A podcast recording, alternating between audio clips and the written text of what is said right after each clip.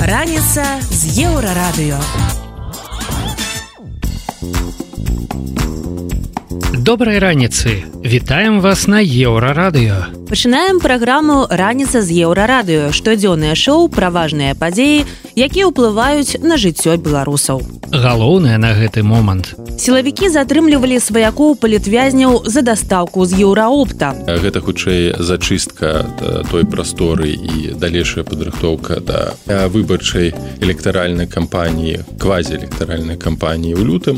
Беларусы паміраюць ва ўкраіне з розных бакоў за свабоду і за рускі свет калі вайна будзе таксама зацягвацца Расія будзе мець і для рассіі будзе неабходна мець гэты яшчэ дадатковы чалавечы ресурс і на жаль беларусы вось могуць стаць такім дадатковым ресурсом Трамп абыходзіць канкурэнтаў. Вітай заганкоў пра выбары ў ЗША уже першы э, тэрмін трампа паказаў што ён як так колькі тады крычалі там ну страхаў было што все там разваліцца третья светная вайна там Амерыку пахавае ён пабудуе дыктатуру. Все это аказалось фігнёй скажем шчыра. Падрабязнасці неўзабаве. Раніца з еўрарадыё як мінімум 100 чалавек трапілі пад апошні рэд супрацоўнікаў КДБ. Шмат каго затрыманых у аўторак і ў сераду адпусцілі пад падпіскі але не ўсіх. Масавыя рэйды прайшлі па ўсёй краіне. Сілавікі прыходзілі да былых палітвязняў і сваякоў тых хто сядзіць за палітыку. Тэлефоны некаторых затрыманых сілавікі забралі для праверкі. Іншым смартфоны аддалі з усталяваным міліцэйскім тэлеграм-ботам магніт ён дазваляе сілавікам дыстанцыйна сачыць за аккаунтамі людзей. Паводле праваабаронцаў чарговы віток рэпрэсіі адбыўся праз дапамогу палітвязням ад праекту iNeed help BY. Гэтая ініцыятыва дапамагае з перадачамі зняволеным і аплочвае прадукты для іх сем'яў. Затрыманым паказалі раздрукоўкі з е-кошыкаў, то бок сілавікі здагадаліся, што харчовыя перадачы афармляліся дыстанцыйна праз сервіс е-дастаўка. Таксама ў затрыманых шукалі мабільныя праграмы замежных банкаў ад іх патрабавалі тлумачэнняў наконт грашовых пераводаў на беларускую картку з-за мяжы. Верагодна, такімі дзеяннямі ўлады зачышчаюць поле перад выбарамі, якія пройдуць напрыканцы лютага. Вось што пра рэд сілавікоў кажа палітолог Павел Усаў. Гэта хутчэй зачыстка той прасторы і далейшая падрыхтоўка да выбарчай электаральнай кампаніі квазіэлектаральнай кампаніі ў лютым. З аднаго боку з іншага боку сцяж сістэмы рыхтуецца да э, магчымых выбараў 25 -го году. Ну і ліквідуюць усе э, усе парэшткі э, грамадскай актыўнасці як, як толькі нейкая з'яўляецца мінімальная актыўнасць адразу ж наступаюць рэпрэсіі. Ну і тым больш што хвалі гэтых рэпрэсіяў звязаныя з тым што ад самага пачатку сістэма не змагла зачысціць усё. То бок яна ідзе паступова. Вырашэнне крызіса ліквідацыя ізаляцыя найбольш актыўных ці крыніц пагрозы. Это 2021 год выцісканне грамадскага актыву падаўленне і знішчэнне структурных элементаў грамадскай актыўнасці апозіцыйныя партыі апозіцыйныя арганізацыі грамадскія арганізацыі стварэнне адмысловай сістэмы палітычнага ідэалагічнага і прававога тэрору. Гэта увядзенне ці змены у так званай іх законе пра экстрэмізм пра палітычную дзейнасць і гэтак далей. Ну а зараз ужо вядзецца зачыстка той прасторы на якую нелаяльнай часткі насельніцтва інфармацыя на якую у рэпрэсіўных структурах ёсць. Там актыўнасць у фейсбуку подпісы фотаздымкі у дачыненні нават да тых людзей якія нібы ўвесь час прыязджалі ў беларусі тут раптоўна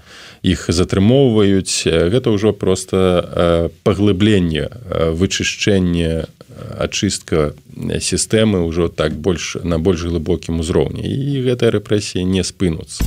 Адной з затрыманых падчас рэйду стала жонка экс-кандыдатаў прэзідэнты і палітвязня мікалая статкевича марына адамович вядома што ёй прысудзілі 15 сутак арышту нібыта за дробнае хуліганства. Ад самога палітыка мікалая статкевіча звестак няма амаль год. Да яго не пускаюць адваката не прымаюць перадачы а лісты не даходзяць у абодва бакі. Еўрарадыо далей у праграме раніца з еўрарадыё беларусы паміраюць ва ўкраіне з розных бакоў за свабоду і за рускі свет. Калі вайна будзе таксама зацягвацца Росія будзе мець і для Росіі будзе неабходна мець гэта яшчэ дадатковы чалавечы ресурс і на жаль беларусы вось могуць стаць таким дадатковым ресурсом Трамп абыходзіць канкурэнтаў. Віталь цыганкоў пра выбары ў ЗША уже першы э, тэрмін Трампа паказаў што ён як так колькі тады крычалі там ну страхаў было что все там развалится третья светная война там Америку пахавая ён пабудуе дыктатуру все это оказалось фігнёй скажем шчыра про гэта ды іншае больш падрабязна бліжэйшым часам. Раніца з еўрарадыё На ўсходзе ўкраіны загінулі яшчэ два беларускія добраахвотнікі, якія ваявалі на ўкраінскім баку. Гэта здарылася ў другой палове студзеня. Дзеля бяспекі сваякоў, якія застаюцца ў Беларусі, пакуль не называюцца ні пазыўныя, ні нават падраздзелы, дзе служылі загінулыя байцы. Але ёсць і такія беларусы, што ваююць ва ўкраіне на баку агрэсара. Пра смерць аднаго з іх днямі паведамілі ўкраінскія медыя. Мужчына загінуў пры штурме сяла крынкі, што ў херсонскай вобласці. Пры ім знайшлі беларускі пашпарт і новы вайсковы білет выдадзены ў снежні 2022 года. Меркуючы па дакументах гэта 47гадовы Дзяніс Лазараў з гомеля. Чаму беларусы ідуць ваяваць за рассію і ці будзе павялічвацца іх колькасць. Давайте яшчэ раз паслухаем доктара палітычных навук Паўла Усава. Канешне же расейцы рэкрутуюць, расейцы намагаюцца ўцягнуць у тым ці іншым фармаце беларускіх грамадзянаў сваю э, вайну і працуе прапаганда. Э, галоўнае пытанне наколькі гэта сістэмна робіцца і галоўнае пытанне наколькі э, наколькі э, гэта падтрымліваецца і э, рэалізуецца з боку лукашэнкаўскіх уладаў ці гэта адзінкавы выпад выпадак ці ўсё ж такі працэс вось такога ўжо пачынаецца масавага удзелу канешне гэта адзінкавы пакуль што выпадак і на баку расійскіх агрэсараў ваююць найміты з усяго свету і кубінцы і маліцы самалійцы і сірыйцы каго там толькі няма. Гэта фактычна Расія імкнецца задзейсніць увесь чалавечы хлам і ресурс які толькі можа знайсці. Сенсацыі ў гэтым ніякай няма. Не першы выпадак так? Але яшчэ раз падкрэслю наколькі гэта сістэмна.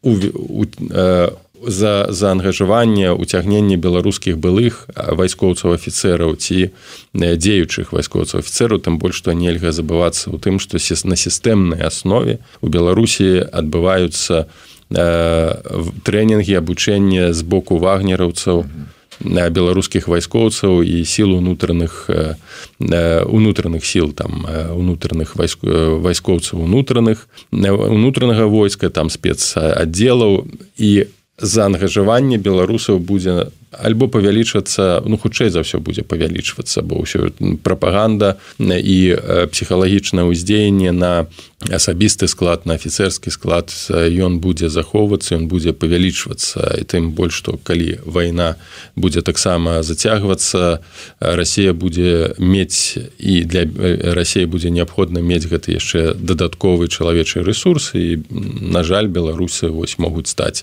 таким дадатковым ресурсам агулам ад пачатку паўнамасштабнай вайны ва ўкраіне загінулі як мінімум 38 беларускіх добраахвотнікаў якія змагаліся супраць Росіі расійскай агрэсіі. Колькі грамадзянаў Беларусі загінула з іншага боку нават страшна ўявіць. Мінабароны рассіі свае страты заніжае, а былых зняволеных, якіх кідае ў пекла фронта, падаецца не лічыць увогуле.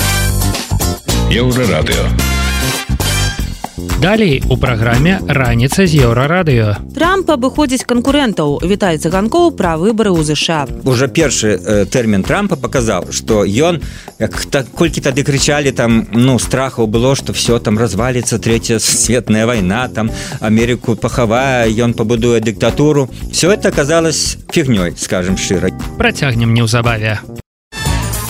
Раніца з еўрарадыё. Чарговыя прэзідэнцкія выбары ў ЗША запланаваныя на лістапад 2024 года. У гонцы бяруць удзел тры кандыдаты ад дэмакратычнай партыі, у тым ліку Джо Байден. Ад рэспубліканскай партыі вылучаюцца двое палітыкаў. Дональд Трамп і былая прадстаўніца ЗША пры Аан Нікі Хейлі. Плюс пакуль што ў гульні яшчэ тры незалежныя кандыдаты. Хто мае найбольшыя шансы на ўдзел у выбарах, ці дазволіць удзельнічаць Трампу і што будзе, калі ён пераможа. Пра гэта ў размове з рэдактарам еўрарадыё з метром лукашуком разважае палітычны аглядальнік Віталь цыганкоў. Многі вот я недавно э, такое глядел даволі великое пытанне многія выбаршчыкі амерыканскі но абсалютна незадаволены што ім зноў прыйдзецца выбіраць паміж трампам і байденам паміж і, двумя дзядамі. Да да. І дам нават про байдена ну 60 процентов там будет трошки больш под 60 60 розных 65 процентов выбаршчыкаў лічаць что ён сапраўды мае уже ментальные пытанні праблема ён не падыходзіць фіт по-англійскі не падыходзіць для вось гэтай пасады прэзідэнта. Прытым это лічаць не толькі кансерватыўны выбаршчыкі а значная частка его прыхільнікаў дэмакратаў. Вось ну про трампа такое в меншай ступені але да, у трампа негатыўны рэйтынг моцны па іншых прычынах по яго пазіцыі по яго характару по яго выказваннях. Вось у его негатыўны рэйтынг таксама вялікі. І вось у Хейлі якраз пераконвае всіх сваіх соцсетках твиттері дзе я бачу что яна шанецавска для Америки вот каб пазбавіцца гэтага зноў выбора паміж двума. Але калі вот в Амерыцы была сістэма ну скажем калі не такая двухвыршая як зараз ёсць якая сумавалась стагоддзямі две парты вылучаюцца у кандыдата а просто чалавек ідзе ад народа і э, так сказать его э, рэгіструюць. І тады б ну сапраўды нам можа можа мела б нейкі шанс. Але тады ёсць яшчэ і трэці ну не трэці а іншы э, кандыдат э, скажем это кеннеді ад незалежных. Ну ён калісьці дэмакрат вся кеннеді сям'я наведаем дэмакратычна але ён расцварыился з дэмакратамі ён лічыць что не занадта пайшлі ўлева што ёсць праўдай при при байдене абсолютно влево пахіснулась дэмакратычная партыя касцяк і узмаснілась это лево радыкальное крыло. І ён заявляе что ён ну хоча быть незалежным кандыдатам в гісторыі Амерыцы самы максимум незалежны кандыдат набраў калісьці по-моему росперо такі мільярдер под 12 процентов. Звычайна набіраюць некалькі процентаў але некалькі процентаў яны сапраўды у кагосьці адбіраюць у тых так званых свінг штатах до штата якія хістаюцца і гэта таксама на сёння мне відавочна что у каго адбярэ галасы патэнцыйна калі ён дойдзе да выбараў і будзе працягваць так агрэсіўна прынцыпе весці палітыку гэтай кеннедзя безумоўна ён адбярэ ў байдена наўрад ці у ядерного электарата трампа ён э, можа адабраць. Так что вось такая сітуацыя. Что яшчэ важно нам адзначыць что абсалютна нічога не вызначана наконт номінацыі э, трампа от рэспубліканскай партыі паколькі працягваюцца роўныя розныя судовыя там працэсы і працягваецца некаторыя штаты которые ну типа забараняюць мы вылучацца. Мы ведаем некалькі месяцаў назад чаму зараз то все заглохла бо пададзены э, пазоў у вярхоўны суд які павін паставіць в этом кропку. Калі верховны суд вырашыць что ніякі штат не мае права забараніць трампу паколькі суда яшчэ не было ён не асуджаны а это толькі знаешь прыхамаць гэтага суда гэтага штата то тады все это адменится зараз по два штаты забаранілі трампу удзельніць выборах але калі верховны суд прыме можна таксама з дастатковай упэўненасцю процентаў на 80-90 прагназаваць что верховны суд прыме такое рашэнне паколькі па-перша это лагічна э, трамп не асуджаны а по-другое э, гэта ну там все-таки большасць зараз так званых кансерватараў верховным суде і яны прымаюць пераважна кансерватыўнае рашэнне і напэўна э, тады яшчэ будзе працягвацца гісторыя што яго могуць быць неяк хутка судзіць. То бок вот я это агаворваюць что трамп хутчэй за все на сёння его няма рэальных канкурентаў рэспубліканскай партыі паводле апытанняў і паводле праймеры з кожным штаце ён пераможа намінацыю ад рэспубліканцаў але ці будзе ён ці дойдзе да выбараў гэта будуць рашаць всякие юрыдычныя моманты. І апошняе што варта сказаць таксама няма сто процентаў што менавіта байден будзе ад дэмакратаў. Многія зараз і паліт часам это прорываецца і ў прэсу майнстрімную і в іншую паліттэхнолагі палітыкі выказваюцца про тое что байден ну па-першае можа прайграць трампа по-другое но сапраўды ён ці можа ён так сказаць быць прэзідэнтам. І што трэба некага іншага вылучыць. Тут самы разглядаецца такі ну скажем папулярны сімпатычны губернатор Каліфорніі ньюсам. Вось его называюць як самы патэнцыйны варыянт Ну але тут можа выскочыць любы як в свой час даволі нечакана Ну на з'ездзе правда это было все паступова выскочил барак Обама которого ну ніхто не лічыў адным з патэнцыйных лідараў ён там добра выступіў ён стал кандыдатам і потым трыумфальна два разы перамог Так что вось ёсць яшчэ застаецца ну невызначанасці сапраўды менавіта байден пойдзе ад дэмакратаў. Нават у можа быць калі ён выйграе намінацыю зараз уже пачынаюцца таксама дэмакратычныя праймеры. Звычайна гэта такая умоўнасць паколькі звычайна все галасуюць за дзеючого прэзідэнта. Але ну что э, так сказать э, вот можа здарыцца хтосьці можаце его угаворыць і вакол яго что все-таки ему не трэба ісці. Я аддаю невялікую верагоднасць нейкі процент 20-30 Мачыма і такі вариант Ну э, гэта вельмі цікава конечно вот для такой агульнай адукацыі дарэчы і для як пераду такое прадмова да майго аднаго з пытанняў будучых але пакуль. Ну склалася так по выніку что Трамп чарговы прэзідэнт ЗША что чакаць? Ну давай не будем казаць про ўвесь свет а про, про наш рэгіён. про наш рэгіён так і я тут таксама не прыхільнік нейкіх ну скажем занадта алармійскіх пессімістычных прогнозаў Ну да рускія любяць трампа але в гэтай значнай ступені гэта любоў еще ён не дайшоў до іх под'езду да. каб там нагадзе яна ірацыянальна як показала першая его кадэнцыя першы ягоны тэрмін. Ён ну фактычна расчараваў. Іх у дадзеным выпадку гэта ну можна канстатаваць. І тое что ён уже там сярэдзіне стаў для іх таким же амаль ворагам ну может быть меншым. Тут же есть такая рэч. Ёсць рэч некая лагічная геапалітычная из-за чего а ёсць просто ірацыянальная рэч что они вот не любяць дэмакратаў за іх всех этой лгбт трансгедрной повестки за іх распаўсюджанне дэмакратыі по всему свету. Вось а вот рэспубліканцы тым больш трамп як сам по себе такі вот Вось ён маўляў чалавек які галоўна ему бізнес-інтарэсы нават палітыцы што ў значнай ступені ну можна прызнаць напэўна правду што ён так сказаць не заўсёды ідэалогіяй скіруецца а нейкімі вось такімі що называется дзіл онодзіл як такі бізнесмен. І яны спадзяюцца в гэтым сэнсе што з дэмакратамі не дамовішся бо яны такія ідэйныя а трамп вось ён такі чалавек дамоўленасцю бізнесмен з ім можна будзе неяк дамовіцца Ну але і зараз мы канешне часам успрымаем там вот рэспубліканцы в кангрэсе выступаюць там супраць дапамогі Украіны. Я гэта ёсць але я хочу несці тут яснасць. Яны перш за ўсё ну па-першае Ну як апозіцыя мы бачым палітыцы гэта ў любой краіне. Часто апозіцыя выступае супраць того что робіць улада каб асабліва нейкія непапулярныя крокі ўлады каб на гэтым набыць сабе пэўныя очки я па-першае ну значнай часткі значнай частка рэспубліканцаў галасуе за дапамогу Украины там не не все супраць больше процентов 60-70 за але ёсць да процентов 30-40 такие ну которые супраць і в значнай ступені там это нават звязано с внутреннай палітыкай то рэспубліканцы вот апошні раз яны э, казалі давай э, байден прымай пэўныя захады по абароне межы от мігрантаў тады мы прогаласуем за пакет дапамогі Украины это не было такого что они ввогуле супраць пакету они просто звязываются с повесткой внутренней. Ты э, хотя бы хоть трошки змагайся з нелегальнай міграцыяй тады мы падтрымаем сваю краіну і увіце себе калі прыходзіць трамп который конечно пачынае змагацца супраць нелегальнай мігранцыі гэты аргумент здымаецца і все этот рэспубліканскі кангрэс ён будзе галасаваць за дапамогу краіны паколькі не будзе уже такой прывязкі паколькі не, не будзе неабходнасці процістаяць байдену процістаяць дэмакратам в гэтым сэнсе я даволі аптымістычны что палітыка не ЗША кардынальна ніякім чынам не зменіцца но акрамя ад таго што ну сапраўды можна ўлічваць персанальнай якасці трампа што ён захоча в нейкі момант ну можа быть что-то что ему будзе выгаднасці што он палічыць што ему там прынесе э, там некую э, славу і, і гонар заключыць некую там умоўна скажем э, дамову з Росіі Ну але все-таки э, уже першы э, тэрмін трампа показал что ён як так колькі тады крычалі там ну страхаў было что все там развалится третья светная война там Америку пахавая ён пабудуе диктатуру все это оказалось фігнёй скажем шчыра. Ён ни одну газету не закрыл хоть он муцікал журналістаў называл их там ворагами ніводнага там журналіста не судзілі при трампе.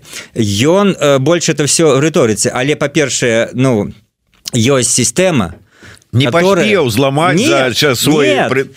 есть система которая вышэй за э, асобу і гэта показывае что американцам працуе. Ёсць великкая партия якая все-таки ему дае кадры якія на тысячах там пасадаў э, прымаюць рашэння пишутць записки э, прэзідэнт не всемагутны нават калі б ён хотел я уж не хочу брать там э, спрачацца про асобу трампа. Не думаю нават что он и хотел бы быть таким дыктатарам хотя конечно нейкі негатыўнай якасці его ёсць. Але як показал першы тэрмін что ён не выходзіць за рамки не выйдзе за рамки. І паколькі ёсць э, структура сама э, амерыканскай дэмакратіі ёсць э, рэспубліканская партыя якая значнай ступені таксама можа гэта гарантаваць А як вынікі выбараў у Амерыцы паўплываюць на падтрымку Украіны? Працягвае віталь цыганкоў Вось мы кажам там часам крытыкуюць маска который прапанаваў там неудала там нейкі мірны там план проект. Я вот просто думаю калі застанецца ну умоўна будем браць такі вариант байден. І будзе працягвацца вайна по-вашаму як вы думаете в якім годзе байден прапануе то что зараз успрымаецца як здрада? то бок ну все пора войну спыняць Россию мы не пераможем давайте неяк заключаць якім праз колькі байден гэта скажа Киеву? Я просто думаю что это момант наступіць і при трампе і при байдене. Калі ну убачыць что ну дай Боже калі будзе іншы сцэнар что Украина погоніць Россию так сказать под Москву ну и хотя бы под Севастополь. Але калі такого сцэнара не будзе все бачыць что ён мало рэалістычны то бок калі мы абвінавачваем некага там маска ці трампа шаны нешта прапановваюць нереальная моя версія что такое нереальное э, может прапанаваць і байден і дэмакраты просто праз пэўны час. Ну не ідуць войны бясконца но заканчивается ресурс. Ну і так сказать чалавечу Украіны в нейкі момант ну як бы нам не было это сумна констатаваць ну украінскія войскі под Москвой ну не выглядаюць зусім рэалістычным варыянтам Ну ніхто как бы і не кажа про войскі под Москвой менавіта і Киев на такое не замахивается і не разлічвае так может быть просто э, узять і не гуляться с этим. А сёння мы вам можа дадим а можа не дадим стингеры? Ай дадим. А завтра а мы можа вам дадим какие-нибудь там танки ці не дадим и год спрачаемся будем давать ці не а потым дадим. Узять и дать нормальную я бы гэта так патлумачил ведаеце калі был шок 22 -го года то даволі хутка захад от гэтага шоку адышол і стаў дапамагаць Украіне вельмі радыкальна. То что не чакала Россия то что многія не чакалі на захадзе і і, і вельмі много і гэта ну дапамагло. І потым ужо захад подумал что а, ну трошки вот уже дапамаглі все те типа Украина сама зможа. Ну але контрнаступ 23 показаў что ну не все все-таки Украина можа з ты з той узроўню дапамогі сама. І плюс Россия пачала перабудоўвацца на военные рейкі і напэўна за вот гэтые зараз ну назовем умоўна может быть не то что неудачи в Украине 23 годзе Ну але скажем не такие спраўджаныя спраўджаныя завышенные чаканні яны зноў подштурхнуть заход А ну все-таки да придется трошки больш помогать чем мы думали. Я спадзяюсь на гэта. Ну нібыта вот апошний рамштайн э, про гэта сведчыць что да вот мы подумали что вот того хопіць нет того не хопіць Россия на самой справе больш сур'ёзны супернік чем мы смяяліся в 22 годзе як она развалилась другая армія светотеряны воевать навучыліся трошки і мобілізацыю правялі і атрымалі там іранскую карейскую зброю і сваю сталі вырабляць Ну што ж прыйдзецца значыць больш сур'ёзна да іх ставіцца Вось мы на гэта спадзяемся Uh, ну вот все uh, ж таки спадзяванні ёсць на тое что uh, бай Трамп няглеючы там хоча ён не хоча ён але ну так атрымаецца что вымушаны будзе все одно ну пэўны перыяд одну рэч которую забыл что все-таки традыцыйна рэспубліканская партыя ну всю гісторыю была больш ваяўнічай і больш антырасійскай ну рэйга ну так сказать зенхауэр ладно 50 ну бушы або а ну скажем пера перазагрузку ну рабіў Обама сарвавал там при медведеве ну бачым что с этого выйшла Вось і тут уже нават і клинтон абіна абвінавачваюць што маўляў навошта дапамагала Росія в 90 маглі ее заваліць а дапамагалі гуманітарнай дапамогай палітычнай і крэдыты давалі Ну таму што я в этом не абвінавачваю тому что ну люди пазбавіліць камунізму і ну тоталітарнай сістэмы зараз яны будуць жыць разам з намі як Японія Германія пасля войны стануць нармальнай дэмакратычнай краіны чаму бы захаду як нармальным людям не было б гэта верыць і нават ну там першае умоўно скажем десятгоддзе там ці хаця бы першыя 6-8 гадоў Пуціна абсалютна не намёка нічога не было на антизаходняе Путін рабіл то падымала Россию з кален рабіл рэформы так сказаць знато сябравал дапамагаў нато э, э, вайне в Афганістане там э, ніякіх праблем не было пакуль Россия такая специфичная крына что она поднимается только для того не того как жить добро а только она что-то поднимается только она начинает думать как бы кому-нибудь всякую гадость зарабить захопить некие суседи вот вот не вот одно с того где кажуць в России все меняется за 10 годов но ничего не меняется за 300 годов. Спрачаются те кто сказал эту фразу не важно она просто пошла в народ покольки она такая вельмі адекватная. И вот все изменила за 10 а потом вернулись на гэтые 300 годов. То бок только они э, нешта приподнялись почали добро добра жыць не каб жыць далей развівацца. Не давайте пачнем заваёўваць зробім вайну которая зноў-таки панізіць узровень жыцця народа но нам на это плеваць нам важно что-то завоевать. А было пытанне у мяне ў адным з папярэдніх эфіраў про тое что можа быть варта было по дэмакратычным сілам Беларусі ўжо ну так прамацваючы глебу узяць і там паспрабаваць наладзіць контакты с выбарчым штабам трампа с трампом напрост. Ну на ўсялякі выпадак стане прэзідэнтам добра ну не стане ўсё одно контакты не зашкодзіць я такое Мачыма нет не это не трэба рабіць. Это не не так не робяцца і па-першае пакрудзяцца цяперашнія так сказать дэмакраты по-другое ёсць нейкія структуры якія апалітычныя якія займаюцца тым ліку беларускім пытанням як бы не гаварыць але ну не трамп не байден непасрэдна беларускім пытанням не займаюцца.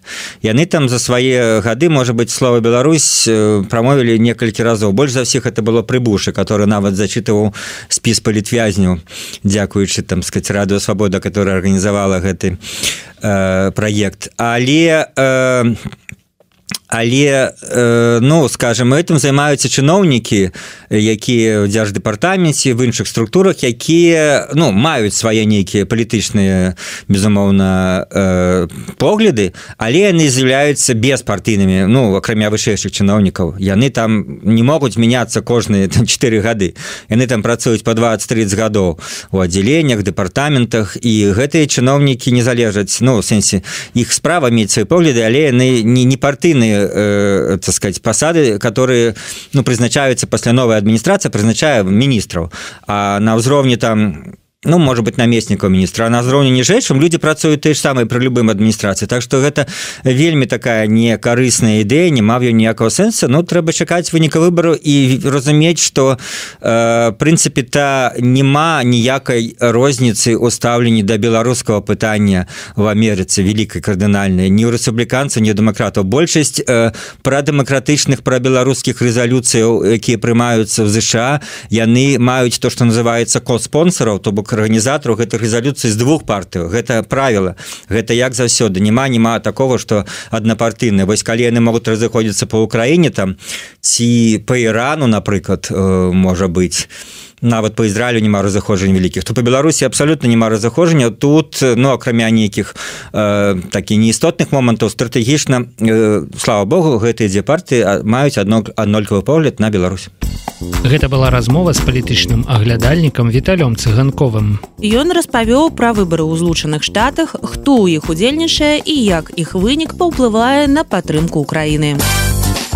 Еўрарадыё Далей у праграме раніца з еўрарадыё. Летась у аварыях загінула минимальная колькость людей. Постоянно ответственность э, за управление транспортным средством в состоянии алкогольного либо наркотического опьянения, она усиливается. Каждое внесение изменений в законодательстве, оно на определенном этапе, скажем так, э, созревало. Украина протягивая умацовывать межу с Беларусью, хотя погрозы и нема. Так как у нас это первая линия обороны, в случае чего мы должны прорвать минно-взрывные заграждения и отступить на наши позиции к побратимам. Про это больше подробязно ближе бліжэйшым часам. Раніца з еўрарадыё.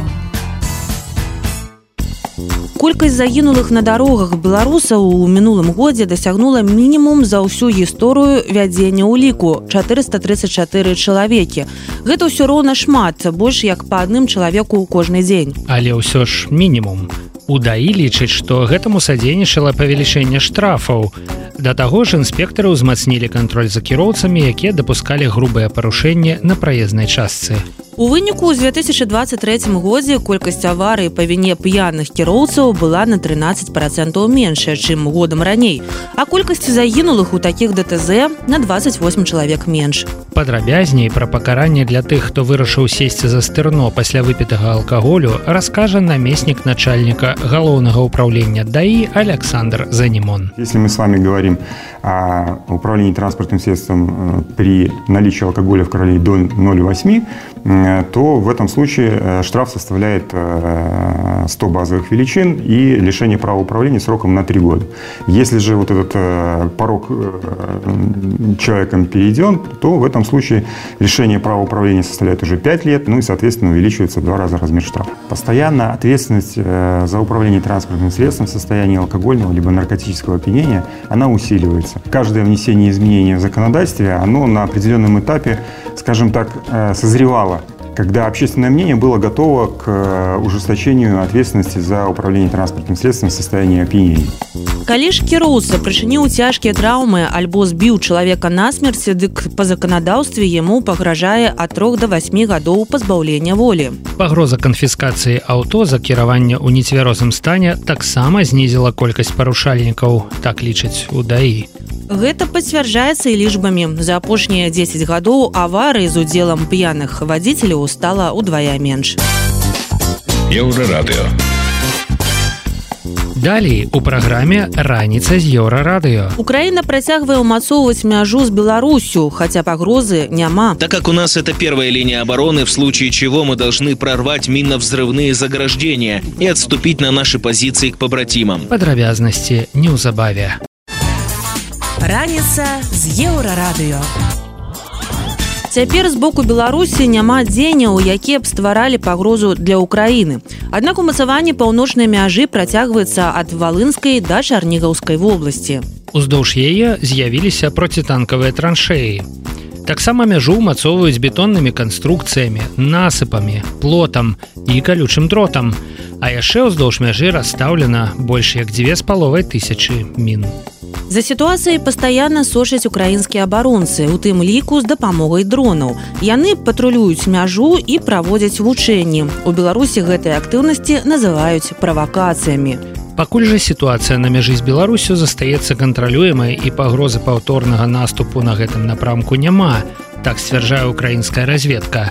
Вось што на гэты конт кажа начальнік прэс-службы памежнага атраду Юрый Шахрайчук. Нічога не мае не свідчыць пра те, що нічога не сведчыць пра тое, што можа быць наступ з тэрыторыі Рэспублікі Беларусь. Беларускія памежнікі таксама нясуць сваю службу. Былі выпадкі правакацыяў на гэтым участку, калі мы затрымлівалі мігрантаў з беларускай тэрыторыі, якіх адпраўлялі на тэрыторыю ўкраіны самыя праваахоўнікі, з якую мэтаю няхай разбіраюцца праваахоўныя органы. На сённяшні цяпер сітуацыя на мяжы з беларусю стабільная складаная але мы яе кантралюем у выпадку калі беларускія ўлады ўсё ж вырашыць парушыць гэты спакой украінскі бок будзе гатовы. Пра дзеянні ў такім выпадку распавядае украінскі памежнік Сергей так как у нас это первая линия обороны в случае чего мы должны прорвать минно-взрывные заграждения и отступить на наши позиции к побратимам Это те средства, которые на определенное время воспрепятствуют действиям правонарушителей или действиям противника в данном случае. За это время военные могут переформатироваться и нанести, скажем так, маневренный ответ. Пасля пачатку поўнамасштабнай войны Украіна закрыла ўсе пункты пропуску з Беларусю, узарвала масты і дарогі на памежных пераходах. Гэта ўсё было зроблена, каб пазбегнуць паўторнага ўварвання расіян з нашай тэрыторыі. Раніца з еўрарадыё. Вяртаемся на еўрарадыё і працягваем ранішні эфір. Вы па-ранейшаму слухаеце раніцу з еўрарадыё, інфармацыйнае шоу пра важныя падзеі, якімі жывуць беларусы і іншы свет. І вось што цікавага мы распавядзем далей. Калі беларускіх жаўнераў дашлюць на дапамогу расійскаму войску. То, что ему о чем-то прямо не говорят, не означает, что он об этом не догадывается. як рэжым намагаецца цалкам кантраляваць інтэрнэт у краіне у них ничего не получится потому что технологии шагнули давным-давно и очень далеко вперед Чаму ліцвінізм і генацыд беларускага народа гэта ідэалагічныя міфы недобрасумленных палітыкаў. Хаця я пра ліцвінізм я пачуў упершыню вось падаецца у пачатку восені мінулага году. Пра гэта ды іншае больш падрабязна цягам бліжэйшай гадзіны. Раніца з еўрарадыё. Тэма вайны ў апошнія тыдні зноў стала актуальнай для Беларусі. Пасля пэўнага зацішша наша краіна зноў фігуруе ў абмеркаваннях экспертаў, то ў сувязі са злітымі сцэнарамі НАТО, то праз абнаўленне вайсковай дактрыны. Згодна з апошняй, цяпер у выпадку нападу на любую саюзную дзяржаву Беларусь будзе вымушаная ўдзельнічаць у вайсковым канфлікце і прымяняць вайсковую сілу. Што б гэта значыла? Беларусу адправіць на фронт, калі Расія заявіць, што на яе напалі? Сутнасць вайсковай дактрыны для выдання маланка тлумачыць гісторык і палітычны аналітык Александр Фрыдман. Я, если честно говоря, не вижу никаких серьезных изменений. Тут скорее все-таки речь идет о формальности, о попытке подчеркнуть свою самостоятельность, что, мол, если что-то произойдет, то мы сами будем решать и будем определять, вступаем мы куда-то, не вступаем, если с нашим союзником что-то случилось. Вот, то бишь вступаем. На самом же деле, и между прочим, это еще Хренин это подчеркнул на прошлой неделе, там же была речь о том, что никто ни с кем воевать не собирается, все вокруг. У Беларуси нет противника, по-моему, так он сказал, но есть союзнические обязательства, и Беларусь будет действовать, соответствуя своими союзническими обязательствами. На самом же деле ситуация обстоит предельно просто. Ключи от нее находятся в Кремле. Это в Кремле будут решать, кто и в какой форме будет участвовать в конфликте. Если же на самом деле будет война с участием Российской Федерации, это война с Западом, я имею в виду, то тут э, сложно представить какой-либо вариант, при котором Беларусь окажется вне этой войны. И тут уже совершенно неважно, я думаю, хочет Лукашенко, он этого не хочет, как я полагаю, решение будет э, за Москвой. Поэтому формулировать-то в своих доктринах они могут все, что угодно. Могут пафосно это подчеркивать, могут даже объявлять себя ядерной державой и объявлять о том, что могут воспользоваться ядерным оружием и прочее, прочее, прочее. Это все, это все больше слова. Это попытка пустить пыль в глаза. Ну и одновременно все-таки, да, такой определенный сигнал Западу, что если вдруг что-то случится, то вы нас уже особо не обижаете. Мы, мы должны это делать, у нас нет другого выбора, потому что так решил наш союзник. Что планирует Путин? Думаю, вполне может планировать э, и войну, или, по крайней мере, не исключать эту войну, войну с НАТО. Эти планы, хотя они сегодня выглядят ну, такими очень теоретическими, о которых сейчас много публикуют, нападение на Сувалский коридор, возможно, агрессия против шведского острова Готланд и прочее. Да, это сегодня, с сегодняшней точки зрения, выглядит как что-то совершенно безумное, во что не хочется верить. В 22 году не хотели верить на широкомасштабное масштабное нападение России на Украину, на ту войну, как Россия, как каким образом Россия ее ведет, а эта война стала реальностью. Поэтому и такие планы, конечно же, не следует исключать, но Лукашенко здесь не играет серьезной роли, не влияет на ситуацию, он одна из фигур в российской игре. Опыт последнего времени показывает, что если что Лукашенко, когда возникают какие-то очень неприятные для него лично события, он их пытается не комментировать, он их от себя отгоняет.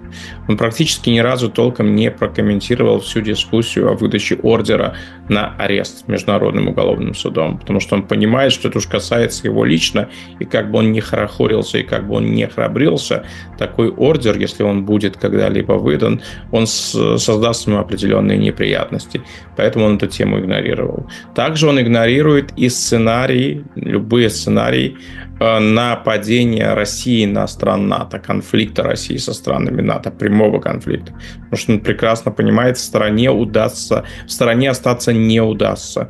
Либо белорусской армии придется в этом участвовать, либо будут, как минимум в этом случае будет происходить вторжение с территории Беларуси, если речь идет об атаке на страны Балтии или на попытке захватить Сувалский коридор, а это означает, что будут ответные атаки по территории Беларуси.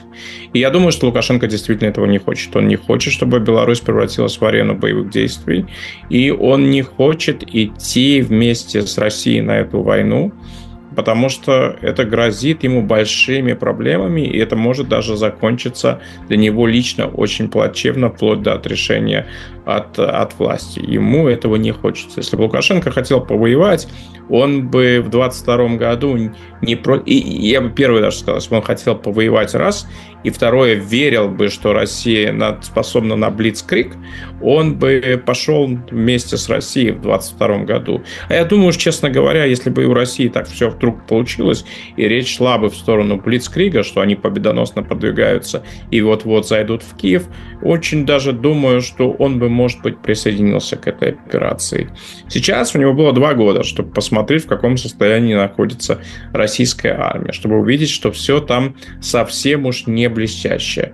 Он также увидел, что означает эта война. Он видит, что атакам подвергаются сегодня российские города, вроде Белгорода, что атаки дронов на российскую территорию стали обычной э, практикой. Он уверен, я, что я, он не хочет, чтобы подобное произошло, произошло в Беларуси. Галоўнае, каб новая вайсковая дактрына Лукашэнкі апынулася чарговым бессэнсоўным дакументам, а не часткай сапраўднага плана крамля па вайне з краінамі НАТО, літвой, Латвіяй, Эстоніяй, Польшай. Бо інакш Беларусь можа ператварыцца ў яшчэ адну арэну крывавых баявых дзеянняў. Ці беларускі аўтакрат ведае, што адбываецца ў галаве ў Пуціна і калі агрэсія адбудзецца ці дашле ён на фронт беларускія войскі зноў разважае александр фридман чтобы они его во что-то посвящали думаю нет не настолько они ему доверяют чтобы чтобы его во что-то посвящать это первое а второе они думаю тоже прекрасно понимают что лукашенко то в войне особо не заинтересован и может проговориться каким-то образом или передать эту информацию но у лукашенко есть огромный политический опыт и есть чутье. То, что ему о чем-то прямо не говорят, не означает, что он об этом не догадывается. Поэтому все меры, которые предпринимаются, они скорее говорят о том, что Лукашенко предчувствует что-то плохое, прекрасно при этом понимает, что он ничего изменить не сможет, что ему придется делать именно то, что скажут ему россияне. Скажут отправить армию, придется ему отправить армию скажет, что удары будут наноситься с территории Беларуси, будут наноситься удары с территории Беларуси. Лукашенко не в состоянии сегодня России что-то противопоставить. Поэтому я думаю, что его позиция в каком-то смысле это позиция фаталиста.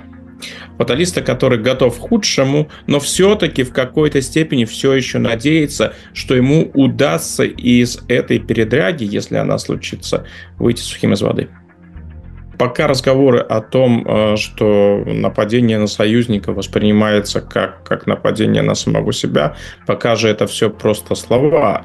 И они же намеренно вот бросаются громкими словами, которые, естественно, подхватывает западная пресса. Я думаю, во многом Запад является адресатом э, эти, этих посланий. Хотя, конечно же, и люди, которые живут в Беларуси тоже, но за этими словами пока ничего не стоит потому что реакции же могут быть самые э, различные. Лукашенко же на протяжении уже двух лет повторяет, что Беларусь участвует в специальной военной операции российской, так называемой, прикрывая российские тылы, тылы Запада. То есть что-то подобное, какую-то такую формулировку можно писать в другом ситуации. Да, мы вот союзника, союз, мы воспринимаем это как э, нападение на союзника, и мы будем отражать как, какие-либо опасности, которые могут произойти там в западном направлении. То есть там поле для маневра и для интерпретаций, оно очень широкое. Во-первых, они должны четко прописать, э, кто такие союзники. Они должны действительно прописать, какая может быть реакция и какие могут быть э, ответы. Но пока это все совершенно общие слова. Ведь, опять же, единственным государством, которое подходит вот под этот образ союзника на данный момент, этим государством является Российская Федерация, потому что Беларусь э, состоит в союзе с Российской Федерацией. Лукашенко очень часто называет такие страны, как Азербайджан или Казахстан или Таджикистан, может быть, когда-нибудь Зимбабве или Экваториальную Гвинею союзниками назовет. Но это пока просто слова. Это как-то должно быть э, сформулировано и совершенно четко, ведь речь идет о, о серьезных вопросах. Но важно при этом все-таки отметить такой момент. Все сценарии, которые вот рассматриваются сейчас, о которых идет речь, сценарий военного противостояния России и НАТО, они практически все затрагивают Беларусь напрямую. Тут речь либо идет о нападении с территории, с территории Беларуси, либо речь идет об участии белорусской армии в этом нападении. То есть то, как оно выглядит сейчас, если что-то подобное произойдет, то все эти союзнические обязательства не играют никакой роли. Беларусь в любом случае будет втянута в войну. Так что я бы эти слова все-таки не, не преувеличивал, потому что во многом может быть адресатом и российская сторона, кстати, которые говорят, вот смотрите, мы ваш единственный союзник, мы за вас готовы даже э, воевать чуть что, поэтому вы нам должны помогать, вы нам по гроб обязаны. Так что слова плохие, безусловно, риторика плохая, милитаризация общества белорусского э, на лицо. Это очень плохие сценарии, но пока не произошло ничего такого, что надо было посыпать голову пеплом и говорить, вот война неминуема. Она может быть, но она не является неминуемой. Мы слухали Александра Фрыдмана, гісторыка і палітычнага аналітыка. Ён распавёў, навошта Лукашэнку абноўленая вайсковая дактрына Беларусі, ці разумее ён пра планы Пуціна і ці разглядае магчымасць даслаць жаўнераў на фронт, калі Крэмль вырашыць атакаваць краіны НАТО. Еўрарадыё. Далей у праграме раніца з еўрарадыё. Як рэжым намагаецца цалкам кантраляваць інтэрнэт у краіне. У них ничего не получится, потому что технологии шагнули давным-давно и очень далеко вперед. Чаму ліцвінізм і генацыд беларускага народа гэта ідэалагічныя міфы недабрасумленных палітыкаў. Хотя я про ліцвінізм я пачуў упершыню вось падаецца у пачатку восені мінулага году. Працягнем пасля навінаў спорту. На еўрарадыё навіны спорту. Зборная Беларусі па футболе згуляе таварыскі матч у гасцях з камандай Мальты. Ён прызначаны на 26 сакавіка. Федэрацыя футбола паведамляе, што вядзе перамовы пра правядзенне яшчэ аднаго таварыскага матчу.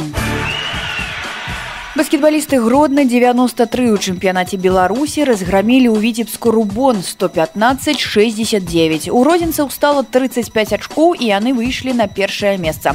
Магілёўскі барысфен адстае на одно ачко, але мае матч у запасе. 26 студзеня лідары сустрэнуцца ў гродні. У беларускай хакейнай экстралізе шахцёр атрымаў 15тую перамогу запар. На гэты раз быў абыграны лакаматыў 4-2. З такім жа лікам юнацтва перамагло ў гасцях віцебск.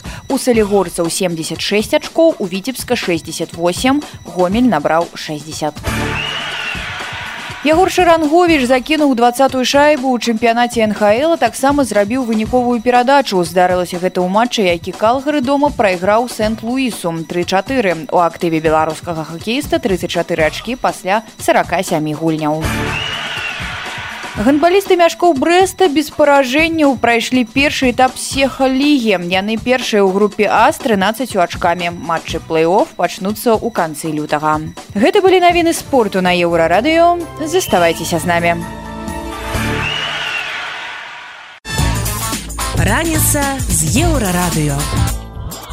У канцы восені мінулага году рэжым зацвердзіў план, як супрацьстаяць кіберзлачыннасці. Там сярод іншага прапісаны пункт, што варта ўвесці сістэму, якая не дазволіць выкарыстоўваць у злачынных мэтах ананімайзеры, VPN і проксі-серверы. Але больш падобна да таго, што сілавікі так спрабуюць пазбавіць беларусаў магчымасці ананімна і бяспечна карыстацца інтэрнэтам, а таксама атрымліваць інфармацыю ад незалежных онлайн-сМ. Так ці інакш, жаданне рэжыма кантраляваць беларускі сегмент сусветнай павуціны ёсць. А вось як справы з рэальнымі магчымасцямі.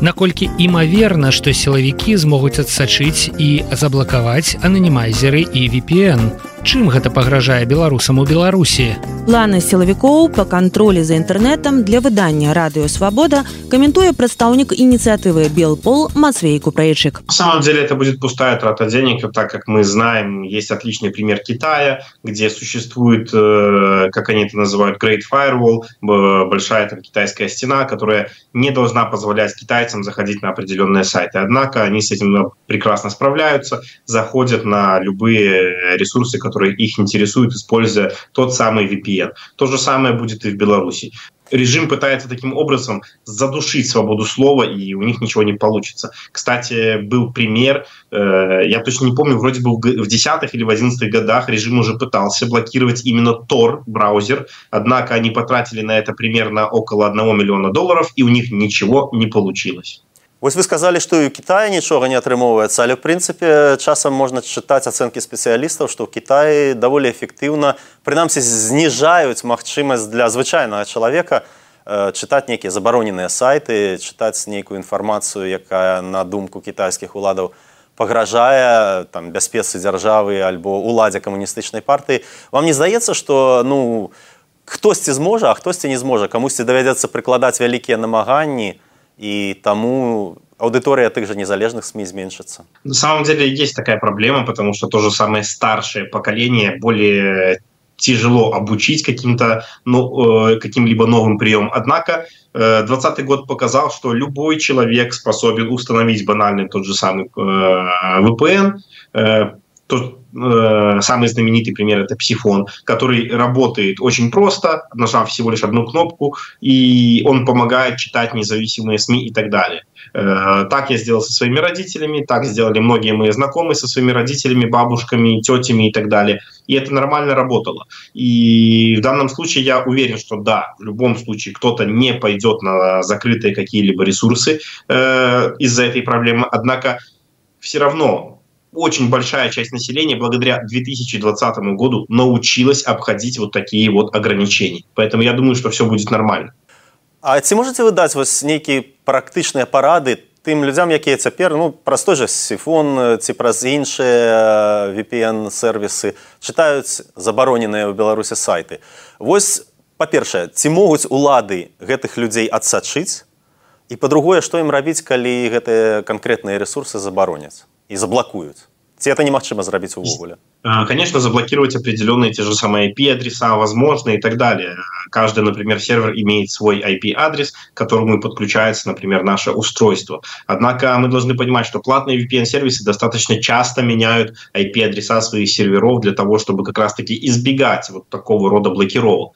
Э, поэтому необходимо менять VPN-сервисы, пользоваться различными VPN-сервисами, если все-таки такая ситуация, как сейчас, если она все-таки случится. В настоящий момент достаточно одного VPN-сервиса для того, чтобы комфортно э, смотреть любые новости и так далее, потому что режим не может отследить э, то, что вы делаете во время VPN. Да, он видит, что ваше устройство, например, подключается к Нидерландам или к Чехии или к Польше, однако они не видят, что вы делаете там дальше. Вот за вот этим вот, можно сказать, промежуточным пунктом.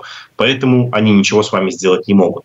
И они будут пытаться это отслеживать. Возможно, да, они приложат к этому большие усилия. Поэтому каждый человек должен понимать, что когда ты находишься в Беларуси, ты находишься в состоянии перманентной опасности. В любой момент к тебе могут ворваться домой, и в любой момент могут на улице или где-либо в другом месте могут попросить тебя твой мобильный телефон предоставить на проверку. В таком случае вам надо понимать, что всегда чистите кэш вашего мобильного телефона, всегда чистите кэш телеграмма, пользуйтесь обязательно партизанским телеграммом, который при вводе ложного код пароля поможет вам сохранить э, свою жизнь и поможет вам сохранить себя на свободе.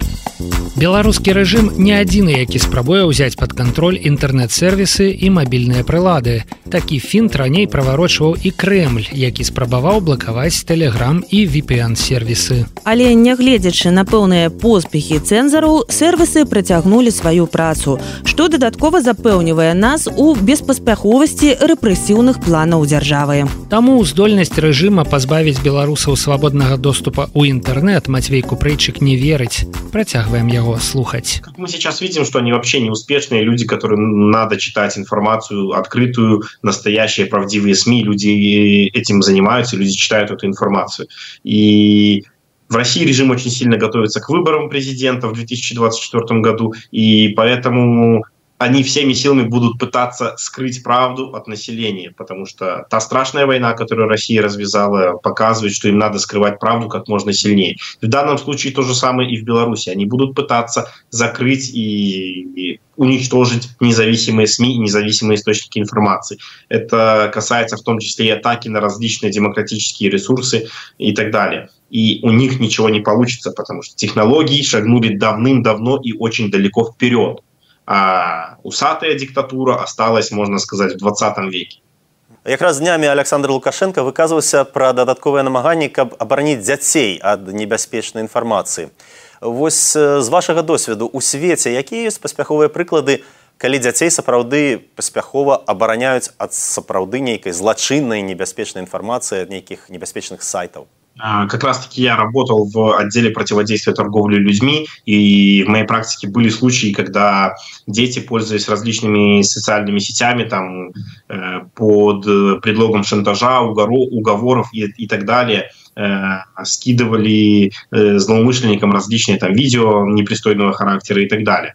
И в таком случае самым лучшим контролером является совесть родителя – который воспитывает своего ребенка. Он должен очень внимательно и очень э, осторожно наблюдать за процессом того, как его ребенок изучает сеть интернет, как он изучает пользование мобильным телефоном, компьютером и так далее, потому что это очень важная тема, чтобы ребенок в правильном русле и правильно изучал то, что ему может пригодиться в жизни, а не то, что ему может навредить его психике, его здоровью и так далее. Поэтому самый лучший контролер – это родитель в данном случае. И это уже доказано практикой, ну и лично моим э, опытом, который я прошел, работая в органах внутренних дел. Однако таких прям серьезных программных средств э, нет. Даже тот же родительский контроль на мобильных телефонах, который устанавливается через Google приложение, в Apple э, приложениях тоже можно это все сделать. Однако на самом деле ребенок это такая субстанция, которая очень быстро изменяется и развивается. И ребенок очень быстро находит вот эти пути обхода, лазейки и так далее. Поэтому лучше всего это контроль родителей. Ну вы сказали про контроль сям'і сапраўды атмасфера в сям'і это вельмі важна але ж ёсць нейкія праблемныя сем'і там дзе бацькі не дбаюцца пра сваіх дзяцей ці правильно я зразумеў што рэальна вось в свеце няма паспяховых прыкладаў калі дзяржава можа нейк абараніць дзяцей ад такой небяспечнай злачыннай інфармацыі На 100% конечно же нет. Мы видим и в развитых странах примеры того, что дети попадают в такие неблагоприятные ситуации для их жизни, для их здоровья и так далее. Однако мы понимаем, что если государство достаточно социально развито, если в государстве делается все возможное для того, чтобы институт семьи процветал, процветал и развивался, то в таком случае у ребенка просто не, не будет надобности искать запрещенный контент. У эфира был Матвей Купрейшик, представник инициативы «Белпол». И он прокомментовал планы рэжыма па кантролі за інтэрнэтам і выказаўся, чаму такі сцэнар фактычна немагчыма ажыццявіць. Еўрарадыё. Далее у праграме раніца з еўрарадыё. Чаму ліцвінізм і генацыд беларускага народа гэта ідэалагічныя міфы недобрасумленных палітыкаў. Хаця я пра ліцвінізм я пачуў упершыню вось падаецца у пачатку восені мінулага году. Працягнем пасля навінаў шоу-бізу. Шоу-біз.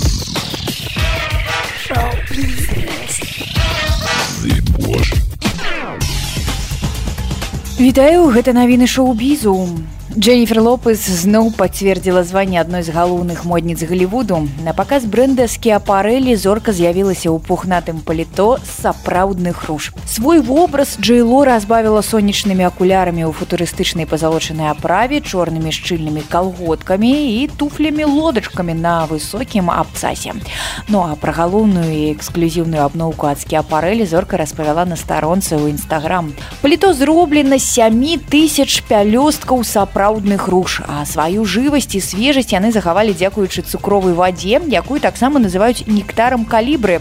Подпісала спявачка таксама дадала што паліто было створана спецыяльна для яе і яе эры сэрцаў і кветак. у Выканаўца ролі Кена ў фільме студыі Warner Brothers Барбі Райан Гослінг выказаў сваё абурэнне з нагоды адсутнасці імёна ў рэжысёра Грэты Гервік і зоркі камедыі Маргу Робі ў спісах намінантаў на прэмію Оскар 2024 абвешчаных амерыканскай кінаакадэміяй 23 студзеня 2024. У сваёй заяве акцёры, які атрымаў намінацыю катэгорыі лепшая мужчынская роля другога плана, павіншаваў сваю калегу па фільме Амерыку Феррэра, а таксама намінаваную за ролю другога плана і іншых прэтэндэнтаў на Оскар 2024. Аднак падкрэсліў, што роля пластмасавага кена, якой ён вельмі ганарыцца, была б немагчымая без грэтай і марго. Без барбі няма кена, а без грэты гервік няма фільма, які ўвайшоў у гісторыю барбі. Ніхто з тых, хто браў удзел у стварэнні фільма, не атрымаў бы прызнанні без іх таленту мужнасці і гені геніяльнасці.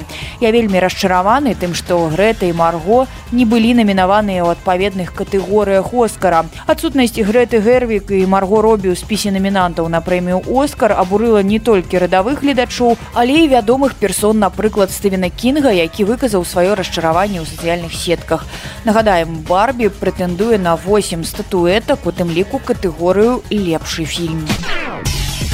Гульня на выжыванне вяртаецца Netflix афіцыйна пацвердзіў, што другі сезон хіта 2021 гульня ў кальмара будзе прадстаўлены на стрымінгу ў 2024. Акрамя таго, з новымі сезонамі вернуцца і іншыя папулярныя серыялы дыпламатка і імператрыца з другімі сезонамі і брыджертоны з трэцім. Гэта безумоўная радасная для прыхільнікаў серыялаў інфармацыя змешчаная ў лісце Netflix інвестарам, у якім падкрэсліваецца, што леташнія забавы забастоўкі хоць і адтэрмінавалі выхад некаторых праектаў тым не менш не перашкодзілі ажыццяўленню планаў на 2024 год. Гэта былі навіны шоу-бізу заставайцеся на хвалях еўрарадыё раніца з еўрарадыё Гісторыя заўжды цікавіла палітыкаў толькі як інструмент для прасоўвання ўласнага ўплыву і інтарэсаў. Таму жаданне лукашэнкі ўпэўніць грамадзянаў, што падчас другой сусветнай вайны адбываўся сапраўдны генацыд беларусаў, выглядае хоць абсурдна, але цалкам вытлумачальна. Іншая справа, што гістарычная навука пра мэтанакіраваную палітыку забойства беларусаў падчас вайны нічога не ведае. Так нацысты акупавалі тэрыторыю краіны і забівалі людзей, але нават савецкія гісторыі гісторыкі не нацягвалі на гэта генацыд. Але вось ужо тры гады генпракуратура на чале з Андреем шведам праводзіць расследаванне, выпускае кнігі і здымае фільмы, каб стварыць міф пра жуткі захад і нашчадкаў нацыстаў. Дык ці быў генацыд беларусу альбо гэта чарговае прапагандысцкае трызненне з боку рэжыма. На пытанне еўрарадыё адказвае гісторык Яўген красулін. Э, тут власна кажучы вось э, цікавае дарэчы пытанне і пытанне пра метады даследавання і зноўку ну калі браць вызначэнне геноциду які даў наш земляк рафаэль ленкин яшчэ ў тридцатых годах мінулага стагоддзя тут власна кажучы шмат што падойдзе под геноцид бо геноцид гэта не толькі фізычнае вынішчэнне гэта вынішчэнне зноўку і той же культуры мовы этнічнай ідэнтычнасці так что тут э, для як вы казалі шведаў адчыняецца вялікая прастора для э, выкрыцця вось гэтых актаў геноциду супраць беларускага народу тым ліку пасляваенны перыяд. І не толькі ў пасляваенны перыяд але скажем у пачатку 21 стагоддзя. Uh, ну і калі казаць пра фізычнае вынішчэнне то тут uh, ну власна кажучы ось рэпрэсіі сталінскія іх так сарамліва да геноциду не адносяць. Бо зноўку калі мы скажем что гэта быў геноцид то тут шмат у каго вось захістаюцца гэтые самыя подмурки карціны свету. І там трэба будзе неяк вырашаць гэтую праблему ось каб прымірыць сабе так ось я думаю что там э, Москва столица мою радзімы мы заўжды з рассеі з братнюю Русю разам шукали там чагосьці там. Ось і тут трэба будзе адказваць А що за халера чаму з таго боку до нас увесь час праходзіла смерть? І калі казаць про прагрэс дык прагрэс быў вельмі такі умоўны ось зноўку параўнаць Беларусь нашу тэрыторыю 1680 1863 годзе і увесь астатні свет. Но мы побачым что уласна каучы там да тайги сибирской даволі блізка. Вось калі менавіта картинку уявіць так? Вось по тых выявах гравюрах якія у тым ліку прысвечаны паўстанню картинах мастакоў Э, опісанне у літаратуры мы побачым там даволі такі э, сумненькі краевідзік э, ось а, при гэтым нам доносіць что у канцы 18 стагоддзя прыйшлі русские выратавалі нас от паноў от панска ось гэтага польскага прыгнёту. Дык 100 год можно было развиваться. Где? Где вынікі развіцця где то самое светло у канцы тоннеля якого не было не у петербурзе не у москве у той час. Ось э, і тут зноў вось калі перайсці э, да пытання про геноцид э, то занятбанасць вось гэта спыненне эканамічнага развіцця. Гэта таксама можна прывязаць да геноциду безумоўна наступ на нацыянальныя нейкія моманты у першую чаргу гэта мова Э, гэта і не толькі мова гэта і топаніміка э, гэта архітэктура у тым ліку. Ось э, ты ідзеш по вуліцы бачыш барокавыя вось гэты махіны касцёлаў збораў 16 17 стагоддзяў. Это одно калі ты ідзеш по вуліцы і бачыш там нейкія церкаўкі з гэтымі залатымі цыбулінамі зверху ты ўжо іншы чалавек. Ты жывеш у іншым свеце і гэты свет сфармаваны для цябе з пэўнай мэтай забыцца пра вось гэтых махіны збору 16 17 стагоддзяў і прывязаць табе вось да гэта свету з цыбулінкамі іванамі дамар'ямі гордзелись мы всегда і таму падобна ось э, гэта таксама калі э, вяртацца да вызначэння что такое геноцид гэта таксама будзе геноцидом атрымліваецца что калі карыстацца вось гэта нашай культуры не толькі беларускі рэжым любіць грацца ў гістарычныя міфы літоўскія палітыкі і медыі таксама не супраць іх выкарыстання у мінулым годзе яны пужалі літоўцаў што беларускія мігранты пасля 2020 года прасоўваюць ультраправы ідэі так званага ліцвінізму. То бок спяці бачыць каб забраць у суседзяў іх сталіцу город вільню і права на агульную гісторыю вялікага княства літоўскага. Чаму ліцвінізм? Гэта такая ж ідэалагічная дыверсія што і генацыд беларусаў падчас вайны і зноў тлумачыць яўген красулін. Хотя я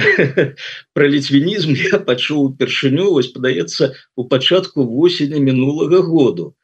А, а цяпер по яго кажуць что вось існаваў ён там ледзь не стагоддзямі існаваў і вастрыў тыя самыя косы ну па-першае тут відавочна як пайшла вось гэтая атака у бок э, не ліцвінізму а скажем так под сцягам ліцвінізму что маўляў гэтая там як гэтая дражнілка э, літувісы что яны скралі нашу гісторыю что яны пра сабечылі гісторыю ўсяго великкае княства. Э, і было бачна что гэта канечне скаардынавана арганізавана. то Э, я тут недавно залез э, на э, сайте одной газеты не надто популярной літувійской газеты и почитал там ну по-першее меня там провабила публикация бо стоить политик зараз же идзе ось наближаемся до лекцыйной кампании у літу у літве и там стоить политик с таким характерным жестом як кажусь показывая на сонейка. Меня так это спынила от давайте почитаем почитал и страшныя рэчы ён кажа і абмеркаванне там э, под 800 коментаў і ўсе 800 коментаў написано як под копірку як цудоўна на літоўскай мове. Як цудоўна літоўцам жылося за савецкім часам як кепска ім жывецца цяпер под амерыканскім прыгнётам так ну уласна кажучы памяняць там літоўцаў на беларусаў амерыканцаў на палякаў і можна адзін у адзін пабачыць вось гэта адлюстраванне того что кажуць про таго ж каліновска так афіцыйная цяпер крыніца. І ну у меня такое ўражанне ну столькі накліпаць для людзей нават калі яны сядзяць на заробку дзе-небудзь у гэтай ботаферме цяжка хутчэй за ўсё гэта ўжо штучны інтэлект у нас сядзець кліпае гэтыя тэксцікі. Вось но бачна як арганізуецца кампанія Я думаю гэтая тэма будзе вельмі шырока выкарыстоўвацца у літве у тым ліку там вось як добра жылося тады як кепска цяпер і робіцца выснова а вінаваты хто? А вінаваты палітычныя эліты і там не шкадуюць нікога ніхто з-за беларусаў ніхто супраць беларусаў Вось і тое ж самае з ліцвінізму ідзе арганізаваная кампанія. І зноўку но тут я не думаю что цяжка здагадацца адкуль карані гэтай кампаніі ідуць бо яшчэ суньдзы напісаў разбей саюзы сваіх ворагаў літоўцы аказалі гіганскую дапамогу беларусам у двадцатым годзе і працягваюць аказваць дагэту і разарваць вось гэтую солідарнасць гэта галоўна.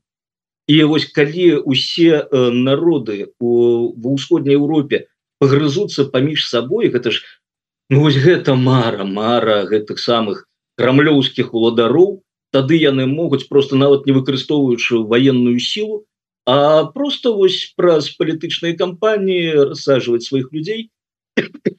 Вось і у выніку канечне будзе великкая праблема не толькі у нас ва ўсіх не толькі у беларусаў літоўцаў будзе праблема і у палякаў і у астатніх еўрапейцаў. І злучаныя штаты Амерыкі таксама тут власна кажучы сваю э, порцыю негатыву атрымаюць ад гэтага ўсяго. І вось э, кампанія ліцвінізму про які ніхто нічога не чуў да гэта яна пачала вось так актыўна раскручвацца э, прычым но ну, нават з'явіліся карысныя ідыёты там адна э, з э, пужалак ліцвінізму гэта что беларусы прэтэндуюць на вільню і там сидзіць кто-небудзь варшаве кажем ну так вельня наша его маё ну шо вось гісторыя з крымом не навучыла нічому что гэта просто ну, вось, э, выглядае нават для нас беларусаў гэта выглядае абсалютна непрымальна так казаць что нейкія чужыя тэрыторыі гэта наши. Тым больш что ну зноўку ну у 19 стагоддзя там яшчэ было камельфо прэтэндаваць для вядучых дзяржаў свету на чыюсьці тэрыторыю цяпер чалавецтва значна паразумела значна прасунулася наперад і разумею что землі не нацыі люди асобныя багацеюць не гэтым. Яны багацеюць тэхналогіямі яны багацеюць ведамі яны багацеюць гандлем. А дзеля гэтага ўсяго патрэбны добрыя стасункі у першую чаргу суседзямі. І навошта гэта ўсё рабіць? Дарэчы вось гэтая хваля ліцвінізму якая безумоўна было запущена каб ускладніць і сітуацыю для беларусаў у першую чаргу. І вось зрабіць яшчэ одну лінію э, напружання ва ўсходняй Еўропе э, тут ёсць сапраўды праблема бо э, беларусы нічога не ведаюць пра літоўцаў іхнюю ролю вялікім княст э, у нас усё ж таки так. Там у 90-х годах у эпоху вось гэта романтызму э, было что ну мы ж мы ж там галоўна Э, для э, літоўцаў той же час ну таксама даволі э, цьмяна тое что вось что было у беларусе на тэрыторыі беларусі у часы великое княз ім канешне яны упоўнены что яны там цэнтравыя былі ўсё гэта даволі цяжка пераламіць канечне но ўсё ж таки пераламіць гэта давядзецца і тут зноўку і задача для гісторыкаў вось ну у першую чаргу для папулярызатора у эфіры еўрарадыо быў гісторык яўген красулін. Эксперт патлумачыў чаму геноцид беларускага народа і канцэпцыя ліцвінізма палітычная прапаганда якая не мае ніякага дачынення да акадэмічнай гісторыі. у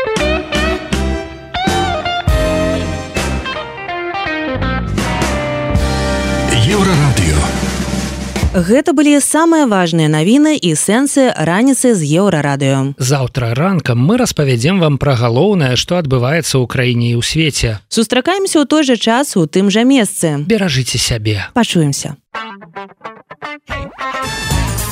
раніца з еўрарадыё.